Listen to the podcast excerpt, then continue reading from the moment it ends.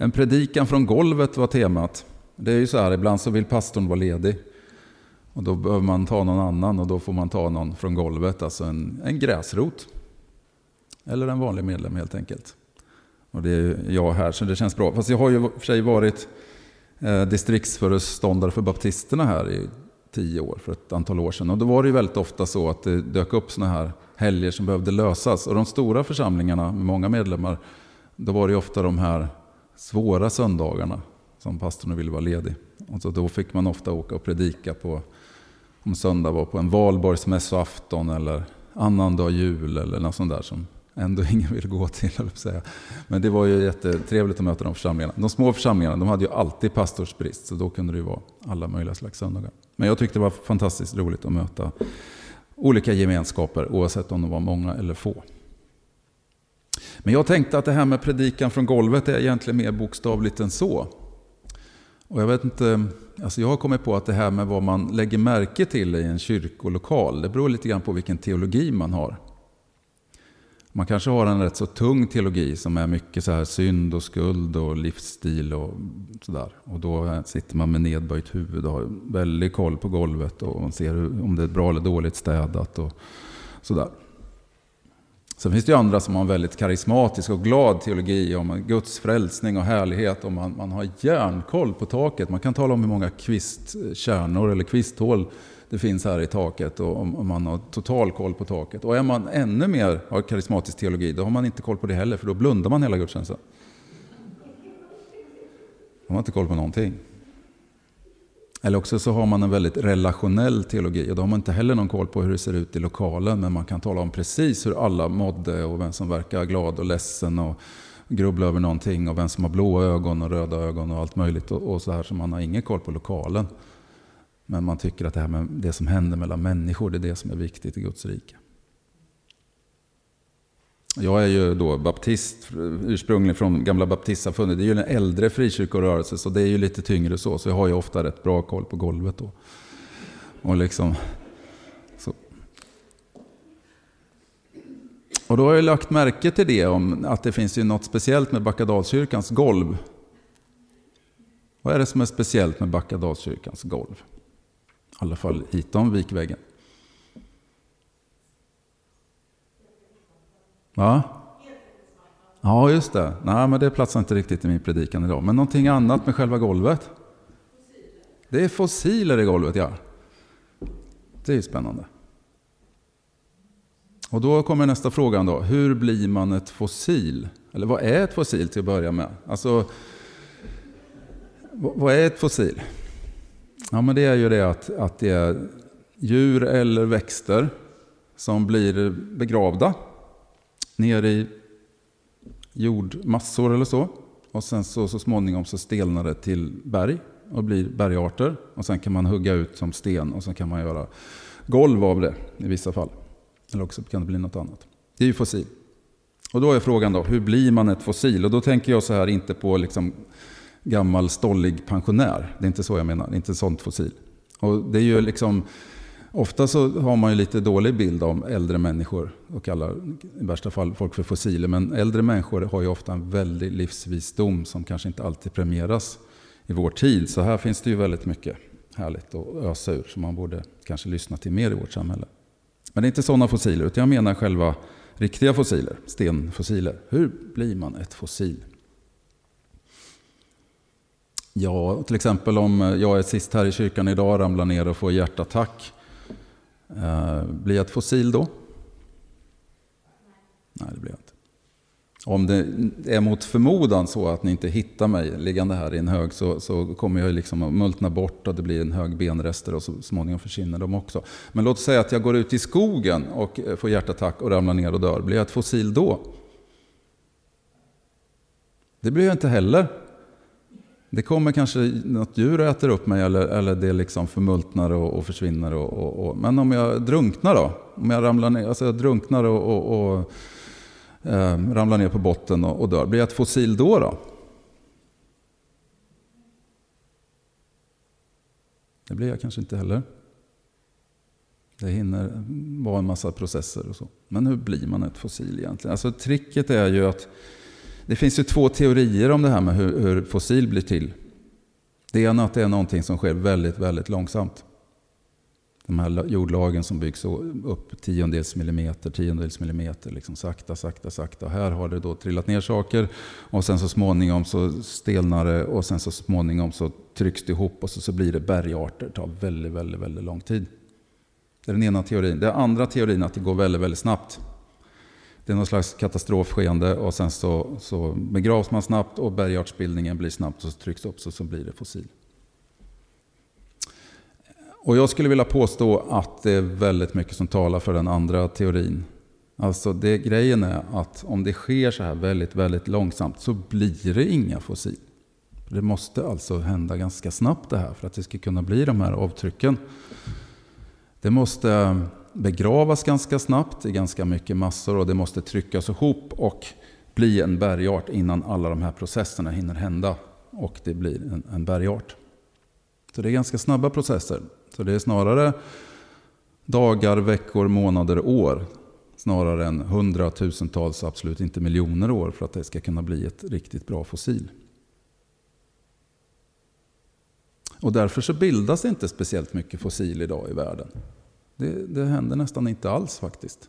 Det finns ingen fossilbildning idag. Utan om det någon gång bildas fossil i våra dagar så är det oftast att det sker någon lokal katastrof någonstans. Då kan det i vissa sällsynta fall bli nya fossil. Annars så liksom, det är någon historisk företeelse. Ehm, dessutom finns det väldigt mycket action. Alltså man hittar ju fossil över hela världen. I olika gravar och i bergarter. Och, alltså, och högt upp på liksom 3000 meters höjd kan man hitta fossil i. Man tar upp berget. Och, och, och, men även lägre. Alltså det finns överallt över hela världen och det finns högt och lågt och, och jättemycket. Och de här gravarna ofta, och där man hittar det, det bär ofta spår av ganska mycket action.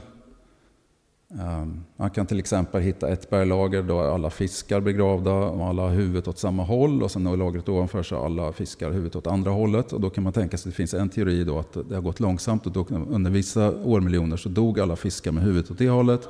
Och sen så kom det massa miljoner år efter och då dog alla fiskar med huvudet åt andra hållet. Så kan man tänka. Eller också kan man tänka att det här gick snabbt och det var liksom olika vågor och sen så begravs det och sen eh, pressades det samman. Och det finns ju jättemycket spännande saker man kan hitta här. Alltså folk som, alltså ett djur som håller på att äta upp ett annat och i det ögonblicket så har liksom den här förstelningsprocessen hänt. Det är väldigt, väldigt mycket sådana exempel man kan dra från hela världen. Att det har hänt väldigt snabbt. Och det är också liksom villkoret för att det ska kunna bli till. Att det sker ganska snabbt. Och själva bergartsbildningen sker ganska snabbt. Jaha, vi tänker oss då att det ska gå snabbt för att den ska bli ett fossil. Och vi ser det över hela världen. Och det behöver vara någon slags katastrofartat skeende. Är det någon här inne som känner till något katastrofartat skeende som har hänt över hela världen och som har påverkat hela jordens utseende och, och, och ja, någon som känner till en sån händelse?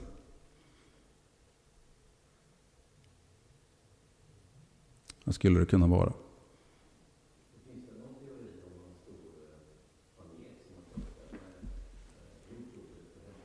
Ja, just det. Det kan man tänka sig.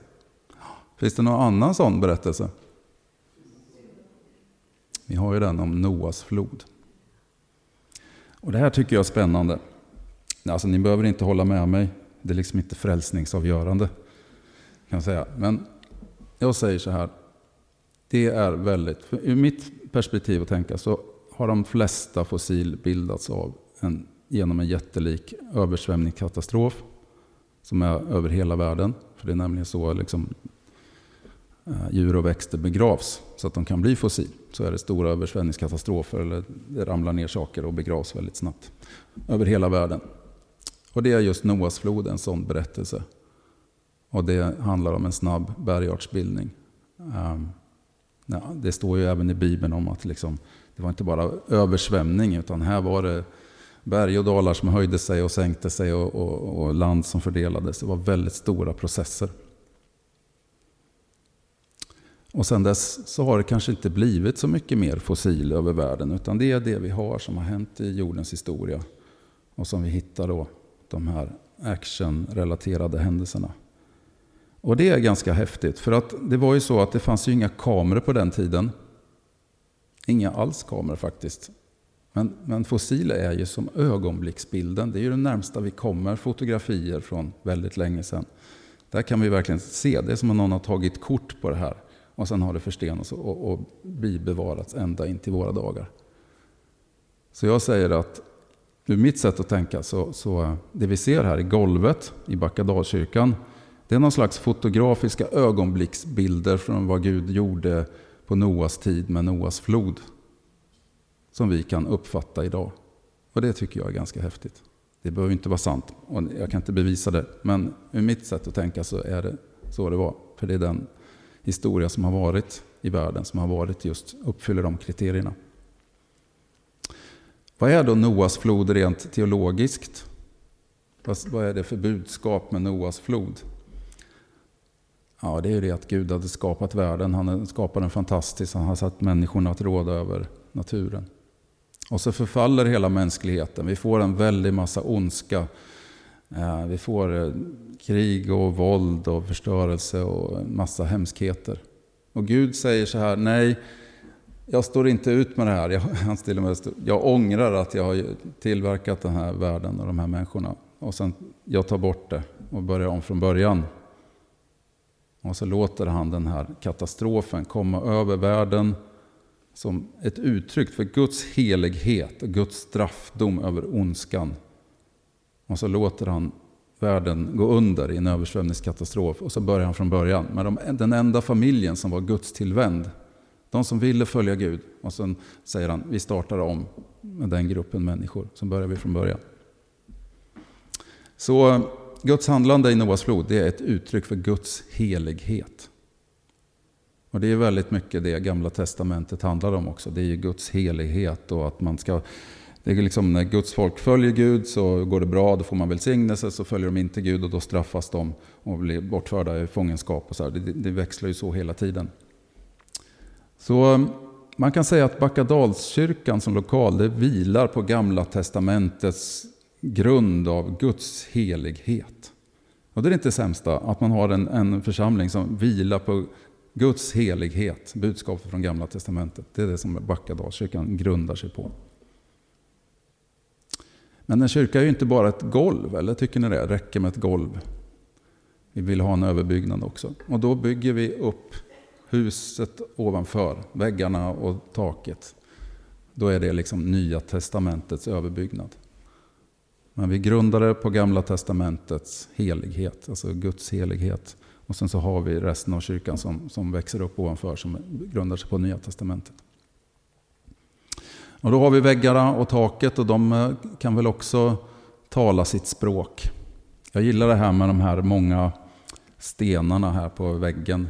Att en kyrka är inte till för en person. Det krävs många stenar för att bygga en församling och för de som ska mötas. Så vi har många olika byggstenar som måste till. För det är många människor som ska mötas här och vi måste hjälpas åt allihopa för att bygga den här församlingen.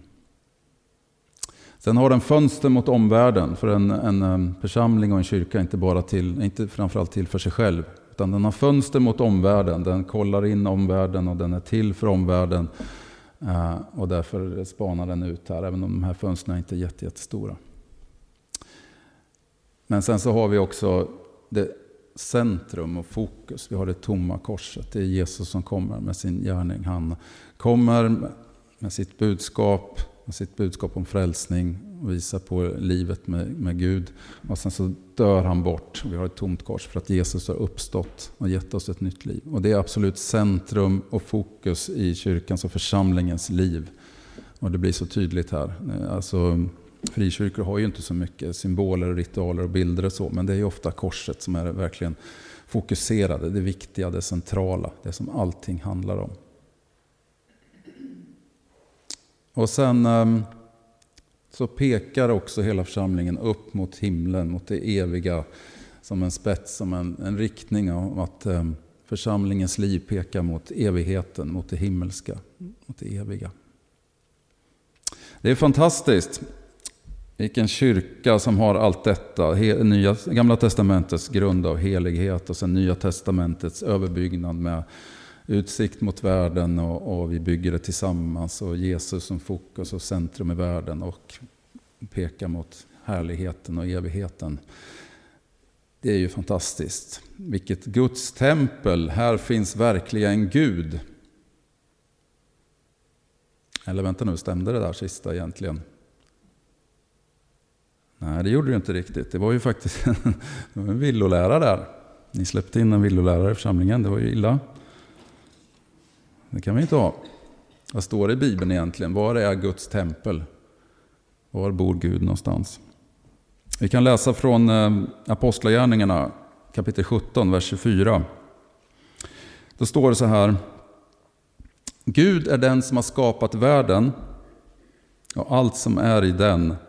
Han som är herre över himmel och jord bor inte i ett tempel som är gjorda av människohand. Det är ju det som är problemet när det blir religion och när det blir så att säga, religiösa människor. Att man lägger det heliga i sånt som är skapat. Det är ofta kyrkobyggnader som blir det heliga. Gud bor i det huset och, och väggarna blir heliga och, och någonting på scenen blir jätteheligt. Och, Eh, ofta blir ritualer väldigt heliga. Och det ska sägas på ett visst sätt. Då. det kan vara i frikyrkan också. Det kan vara liksom tända ljus som blir det allra heligaste. Alltså det, det, man, man sätter det i ritualerna i huset. Men det är så väl, och så var det kanske lite mer i Gamla Testamentet. Men Nya Testamentet är väldigt tydligt. Gud bor inte det som är skapat av människohand. Gud bor inte i tingen, Gud bor inte i ritualerna. Det är inte det som är Guds tempel. Men var bor Gud då? Vad är Guds tempel? kan vi läsa från eh, Första Korinthierbrevet kapitel 3, vers 16-17. Vet ni inte att ni är ett Guds tempel och att Guds ande bor i er? Om någon fördärvar Guds tempel ska Gud fördärva honom.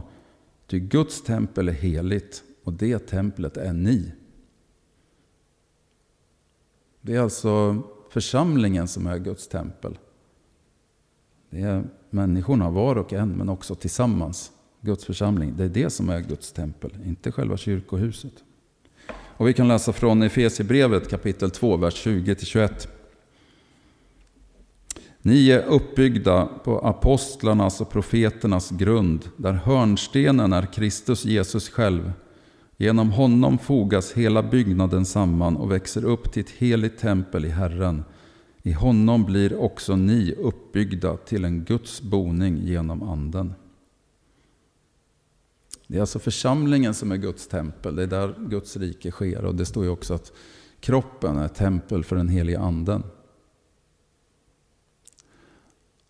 Och därför är det ju inte så att när man ser en kyrka någonstans, eller den här kyrkan, så säger man att där är Gud. Det är där Gud bor. Nej, det är inte det som är Nya Testamentets budskap. Utan budskapet är möjligen, där är en kyrka, där träffas församlingen. Och det är församlingen som Gud bor. Det är bara en ledtråd i att alltså det är jättebra att komma till kyrkan för att där träffas Guds församling och där kan man möta Gud genom församlingen och människorna som är där. Men själva huset har ingenting om vart Gud bor någonstans. Och därför blir det så när Backadalskyrkan kör evangelisation på torget. Då har Guds tempel flyttat ut på torget. Då har Guds rike flyttat ut på torget. Då är Gud där. Och när var och en av oss är i skolan eller på jobbet eller vart vi nu är. Då är Guds tempel där. Guds tempel bor i de kristna, i de heliga. Och det, och det är det som liksom är Guds tempel och Guds rike. Och därför blir det viktiga som händer i en kyrka är aldrig huset, det är aldrig ritualerna, är aldrig hur det ser ut egentligen. Utan det, det som sker när människorna är här, när församlingen är här. Det är det som sker i tillbedjan, i eh, gudstillvändheten, i bönerna, i bibelläsningen, i hur, hur vi är mot varandra. i Allt det som sker när människorna är här. Det är det som bygger upp Guds tempel, bygger upp Guds rike. Och det är det som är det viktiga, centrala i evangeliet. Och då är det fantastiskt att vi får ha en, en kyrka att, att eh, församlas i och träffas och utveckla Guds rike tillsammans. Och därför så är ju liksom eh, kyrkkaffet är lika heligt som gudstjänsten egentligen. För det är där Guds eh, församling kommer samman. Um, och det är ju härligt. Att, och, och, I början i Nya Testamentets tid så hade man ju inte ofta någon lokal att träffas i. Utan man gömde sig i lägenheter och lokaler och hemma hos varandra. Men det var där Guds rike fanns och utvecklades. Och det är så nu också.